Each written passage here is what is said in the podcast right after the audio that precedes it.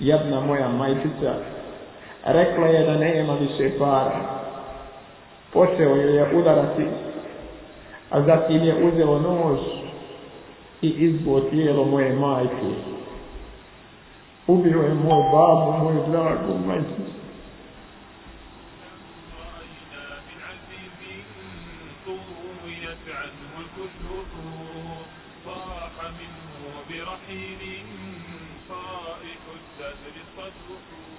Eto kako smo ja i moj mlađi brat. Iz onako lijepog ambijenta u kojem smo živjeli dospjeli u dom za nezbrinutu djecu. Alkohol i droga srušite naš život. Ubiše mi babu i majku, a ja i moj brat ostati siročar. ma ما فيه روح جاسدا ma fi ruhu. إن الحمد لله نحمده ونستعينه ونستغفره ونعوذ بالله من شرور أنفسنا وسيئات أعمالنا من يهده الله فلا مضل له ومن يضلل فلا هادي له وأشهد أن لا إله إلا الله وأشهد أن محمدا عبده ورسوله ولقد كرمنا بني آدم وحملناهم في البر والبحر ورزقناهم من الطيبات وفضلناهم على كثير ممن خلقنا تفضيلا Mi smo sinove Adamove doista odlikovali, dali smo da kopnom i morem putuju i obskrbili ih ukusnim jelima i dali im velike prednosti nad mnogima koje smo stvorili. Allah subhanahu wa ta'ala je čovjeka odlikovao razumom kojim se razlikuje od životinja. Razumom razlikuje dobro od zla i korisno od svetu. a kada izgubi pamet, a kada izgubi taj razum kojim se odlikuje od životinja, on se izjednači sa životinjom, pa čak je životinja u boljem stanju od njega, jer je ona opet od koristi, a insan je samo na teratu drugima.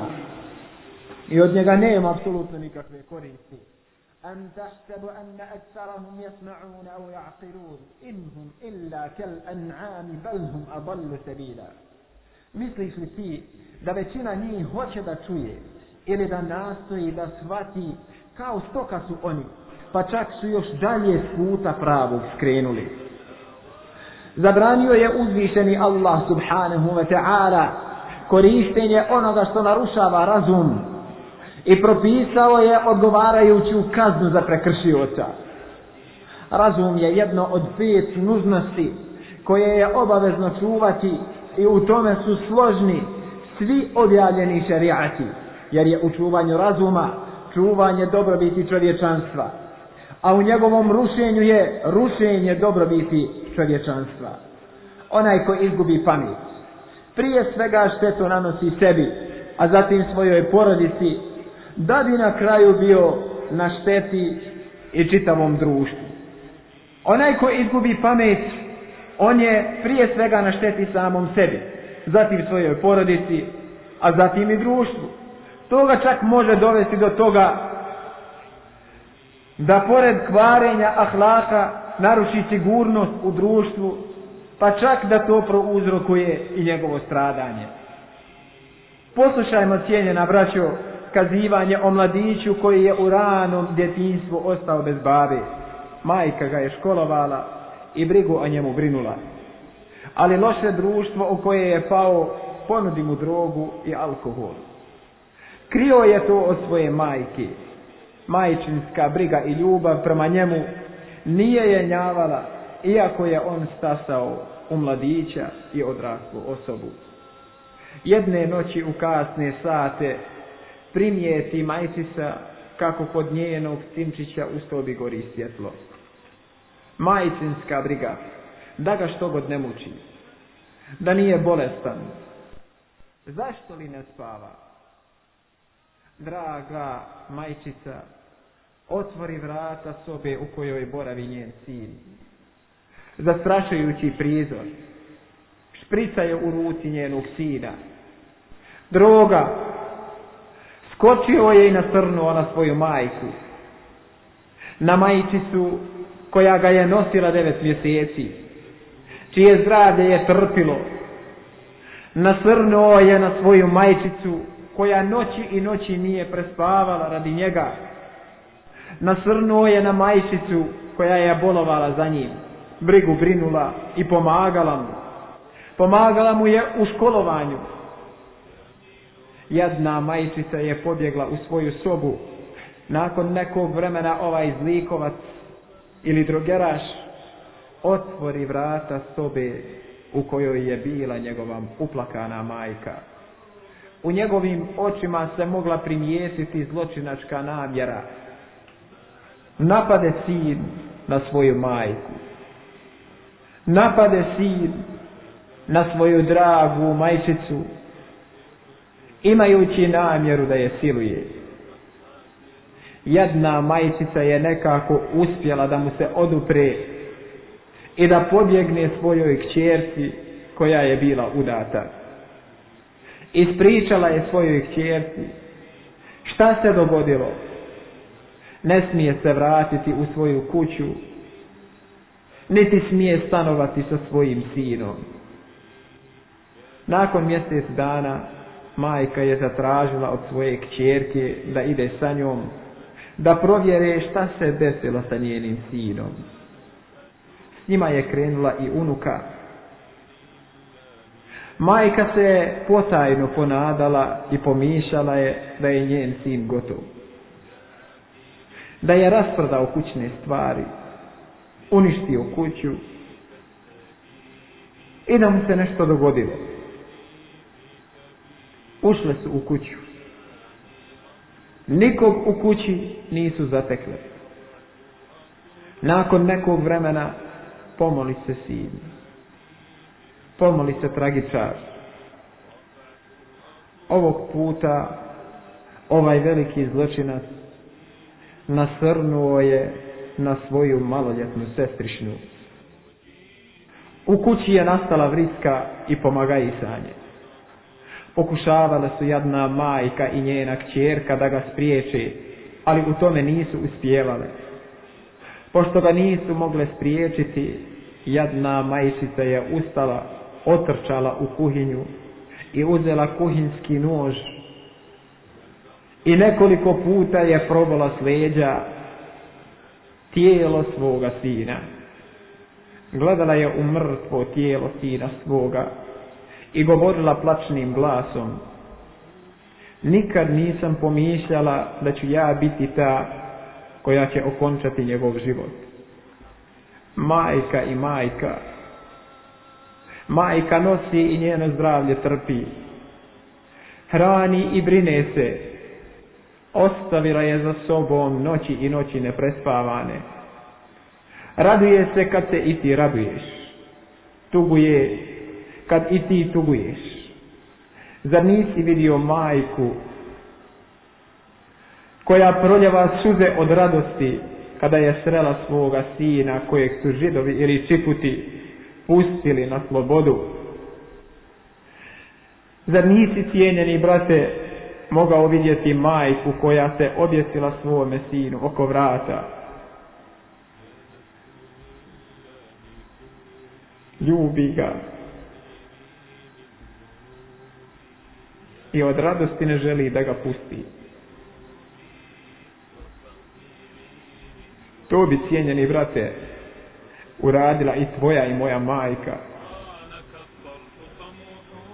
Zar ćeš na njeno dobročinstvo uzvratiti neposlušnošću i lošim djelima? Naša majka trpila je mnogo što šta. čak je i bolovala za nama. A mi kada smo odrasli i kada je potrebna naša usluga našim roditeljima, okrećemo glavu od njih i ne pomažemo im. Kaže jedna djevojčica, pripovjedajući ono što se desilo s njenom majkom i s njenim babom. Živjeli smo ugodnim i lijepim životom. Slagali se lijepo. Išla sam u školu i bila primjerna učenica. Svi smo se zajedno radovali i veselili i izlazili čak u šetnju. Sve dok babo nije počeo konzumirati alkohol i opojna sredstva, dok nije počeo konzumirati drogu. Tročio je sve što je zarađivao, udarao je moju majčicu, ni krivu ni dužnu. Ali vrhunac svega toga se desio onoga dana kada je moj babo došao kući i zatražio pare od moje majčici. Jedna moja majčica rekla je da nema više para. Počeo ju je udarati, a zatim je uzeo nož i izbuo tijelo moje majke. Ubio je moj babu, moju dragu majčicu.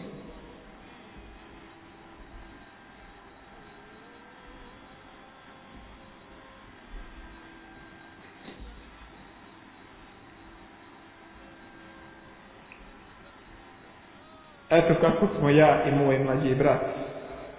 Iz onako lijepog ambijenta u kojem smo živjeli dospjeli u dom za nezbrinutu djecu. Alkohol i droga srušiše naš život. Ubiše mi babu i majku, a ja i moj brat ostasu sam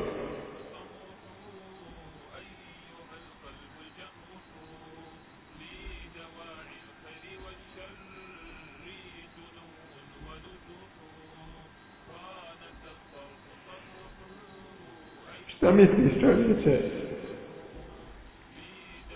Ako i ti posegneš za nečim sličnim, zbog čašice alkohola koju ćeš popiti, šta misliš ako posegneš za nečim sličnim, zbog loše društva u kojem se nalaziš? Šta misliš ako naneseš štetu svojoj majici ili svome babi? Šta misliš ako zasvi ili tvoj sinčić ili tvoja kćerkica. Šta misliš ako naneseš štetu svojoj suprzi. Ako naneseš štetu majci svoje djece koja te služi i sluša, koja ti je rodila djecu, o Allahu robe, Okrani se lošeg društva, čvrsto se prihvati Allahove vjere i drži se dobrog društva. Budi u društvu onih koji se boje Allaha subhanahu wa ta'ala, a bježi od pokvarenjaka. Od pokvarenjaka nemaš nikakve fajde i nikakve koristi. Samo ti mogu nanijeti štetu i ti možeš zajedno sa njima nanijeti štetu drugima. أقول قولي هذا وأستغفر الله لي ولكم ولسائر المسلمين من كل ذنب إنه هو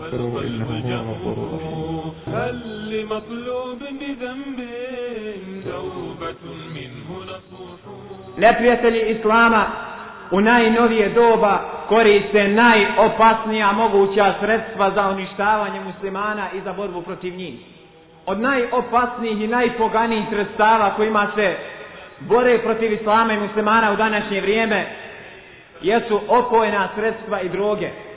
Kaže uzvišeni Allah subhanahu wa ta'ala La ja'lunekum habala Waddu ma anittum Kad badatil bagba'u min afwahihim Wama tuhfi suduruhum akbar Jer drugi vam propast želi Jedva čekaju da muka dopadnete Mržnja izbija iz usta njihovi, dok je ono što prsa njihova kriju daleko teže i veće od toga.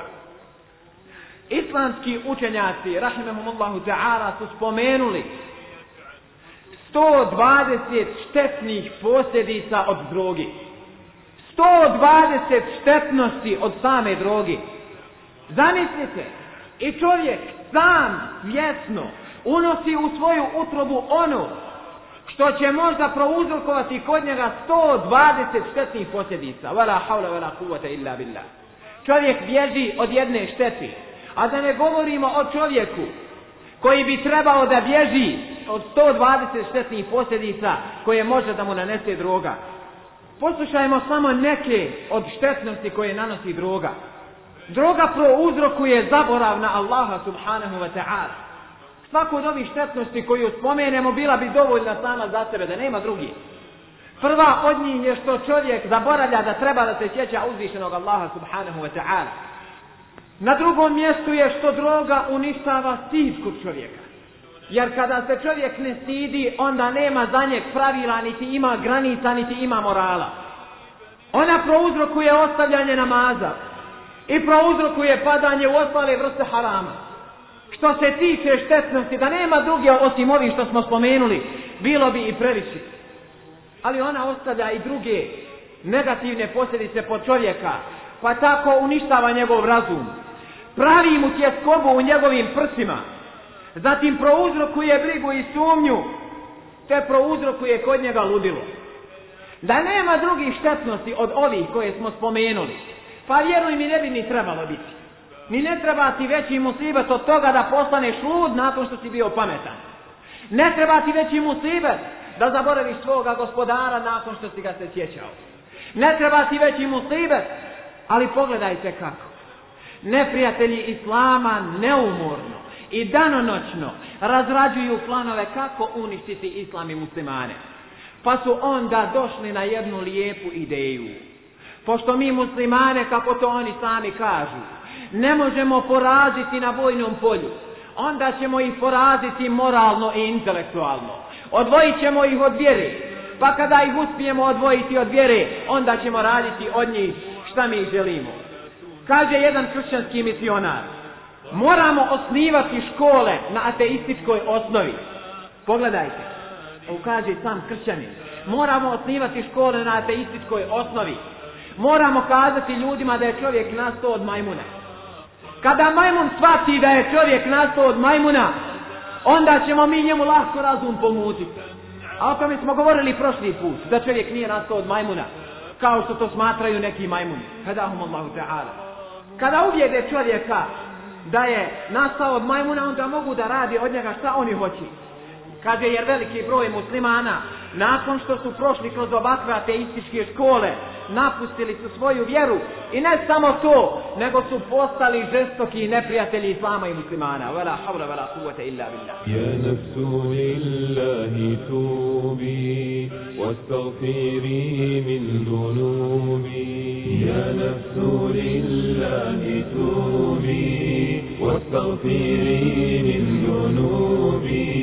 Fakad vada čemsu umri. Zar musliman Nakon što je prošao kroz ateističku školu, nije mogao da shvati da su mu pomutili razum. Zar nije mogao da shvati da su ga uništili, da su njegovo razmišljanje oštetili? Zar ne treba da se vrati svome gospodaru i da otvori oči kao ono mače kada tek dođe na svijet? Prođe nekoliko dana dok progleda. I onaj čovjek koji je prošao kroz takav sistem školovanja treba da otvori oči, jer u istinu nanijeli su mu veliku štetu. Nanijeli su mu štetu, pomutili razum, sada treba da se osvijesti i da krene putem s kojim je Allah subhanahu wa ta'ala poslao Rasulullah sallallahu alaihi wa sallam. Kada uspiju čovjeka odvojiti od vjere, kada uspiju čovjeka odvojiti od Allahove knjige Kur'ana, oni su uspjeli jedno, a to je uspjeli su dobiti čovjeka ili profil čovjeka koji više nema granica u svome životu. Mi se čudimo. Kako taj i taj čovjek može uraditi to i Je li on imao imalo morala? Zapamtite pravilo. Za onoga ko nema vjeri, za onoga ko ne poznaje granice šarijata, nema pravila. Za njega je zabranjeno ono do čega on ne može doći rukom. Samo je to za njega zabranjeno. A sve ono do čega može doći rukom i svu štetu koju može nanijeti umetu da bi ostvario svoje ciljeve, on će sve iskoristiti da bi ostvario svoje ciljeve. Jer ne poznaje granice šeria. Kao što to neprijatelji priznaju, kako li je ova vjera islam čudna? A što je vjera islam čudna? Mi potrošili milijarde dolara da zabranimo ljudima alkohol, a oni pročitali u knjizi koju im je Allah Đelešanu objavio da je alkohol zabranjen i oni odmah ostavili alkohol. Oni se jadnici sturiše da zabrane alkohol, da poprave svoja društva, ali to nisu u stanju uraditi. Ali čovjek koji poznaje granice šerijata, on će to ostaviti radi Allaha Đelešanu i ne treba mu nikakvo prisiljavanje za to ostaviti. Uspjeli su odvojiti čovjeka od telšida, plasirati mu alkohol i drogu. Plasirati prostituciju. Radi na uništavanju muslimana fizički, moralno i intelektualno. Uspjeli su jednom riječju razbiti islamsko bratstvo. O tugo moja, o žalosti moja, o ummete Muhammeda sallallahu alaihi ve sellem, kada ćemo se vratiti istinskim principima s kojima je poslao Allah subhanahu wa ta'ala Rasula sallallahu alaihi wa sallam. Zapamtimo nema izlaska iz ponora sve dok se ne vratimo čistim islamskim principima s kojima je došao Rasulullah sallallahu alaihi wa sallam. Ne smijemo razumijevati vjeru onako kao što su nam to plasirali orientalisti. Oni koji izučavaju islam s ciljem njegovog uništenja ne smijemo razumijevati islam kako ga razumijevaju neprijatelji islama. Zapamtimo, islam moramo razumjeti onako kao što su ga razumijele prve generacije. Sve dok ga ne budemo tako razumjeli, smo ga razumjeli ispravno. A ako ne budemo na onome na čemu je bio Rasulullah sallallahu alaihi wasallam, na čemu je bila najodabranija generacija, onda zapamtimo, da sigurno nećemo uspjeti ni u svome životu na ovom svijetu, a da ne govorimo o tome šta čeka nesrećnike na ahiretu. Je li moguće da muslimani vrate svoj ponos? Pogledajte šta kažu pogani nevjernici. Šta kaže jedan pogani nevjernik? da mu ne spominjem ime sa ovog časnog mjesta, muslimani mogu proširiti svoju civilizaciju u svijet. Ponovo istom brzinom kao što su to proširili i prvi put. Ali time da se vrate svom moralu i karakteru. Jedini način. I on kaže, potvrđuje riječ imam i Malika, rahmehullahu ta'ala, da se ne može popraviti zadnji kraj ovoga ummeta, da se ne može popraviti stanje u ovom ummetu, osim kako je popravljeno prvi puta. I on kaže, mogu muslimani vratiti svoj ponos, ali kada? Kada se vrate svome moralu i svome karakteru.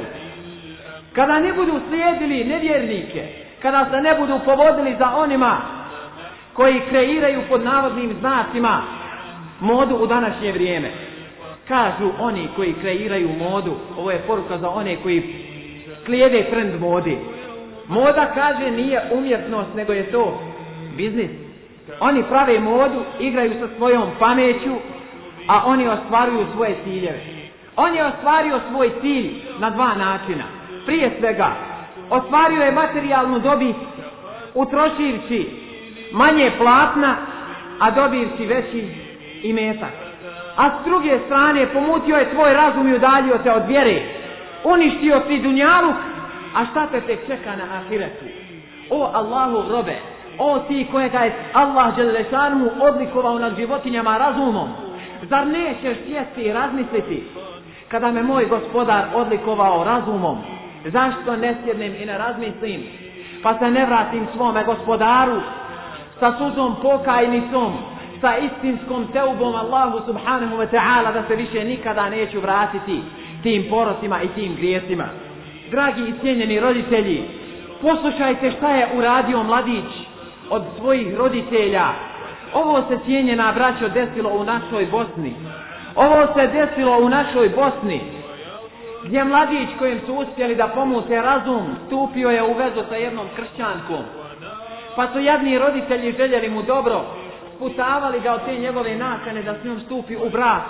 Pa je on jednog dana za nagradu svojim roditeljima izvadio kuhinski nož i zatvo svoga babu i svoju majku, zatim kupio ružu i otišao na susret sa svojom djevojkom. Vala haura vala kuvvete illa billah. Kada bi roditelji samo poveli računa o tome da svoju djecu odgajaju na islamskim principima, da ih odgajaju na temeljima na kojima će oni poštovati i cijeniti svoje roditelje, kada bi samo Bog odgajali na principima na kojima je bio Resul sallallahu alaihi wa sallam i prve generacije, zasigurno ne bi doživjeli ono što doživljavaju danas. Jeste li ikada pročitali? Jeste li ikada čuli da je neko od sinova ashaba radijallahu anhum došao i ubio tvoga babu? vidjeli ste i možete samo čuti i možete samo pročitati kako taj sin cijeni i poštuje svoga roditelja. Možete samo pročitati kako taj sin ne želi da jede iz iste posude sa svojim roditeljem, kako ne bi kojim slučajem uzeo zalogaj koji je pomislio da uzme njegovu babu i njegova majka. Možete pročitati samo najplemenitije osobine i najbolje karakteristike kako djeca poštuju i cijene svoje roditelje. Nećete u tiri ili životopisu prije svega Rasula sallallahu alaihi wasallam, sallam, a zatim i odabrane generacije pročitati osim ono što je plemenito i moralno. Ali kada ljudi odu od Allahove vjeri, onda posežu za raznim vrstama nemorala, a taj nemoral se zna završiti i samim ubistvom.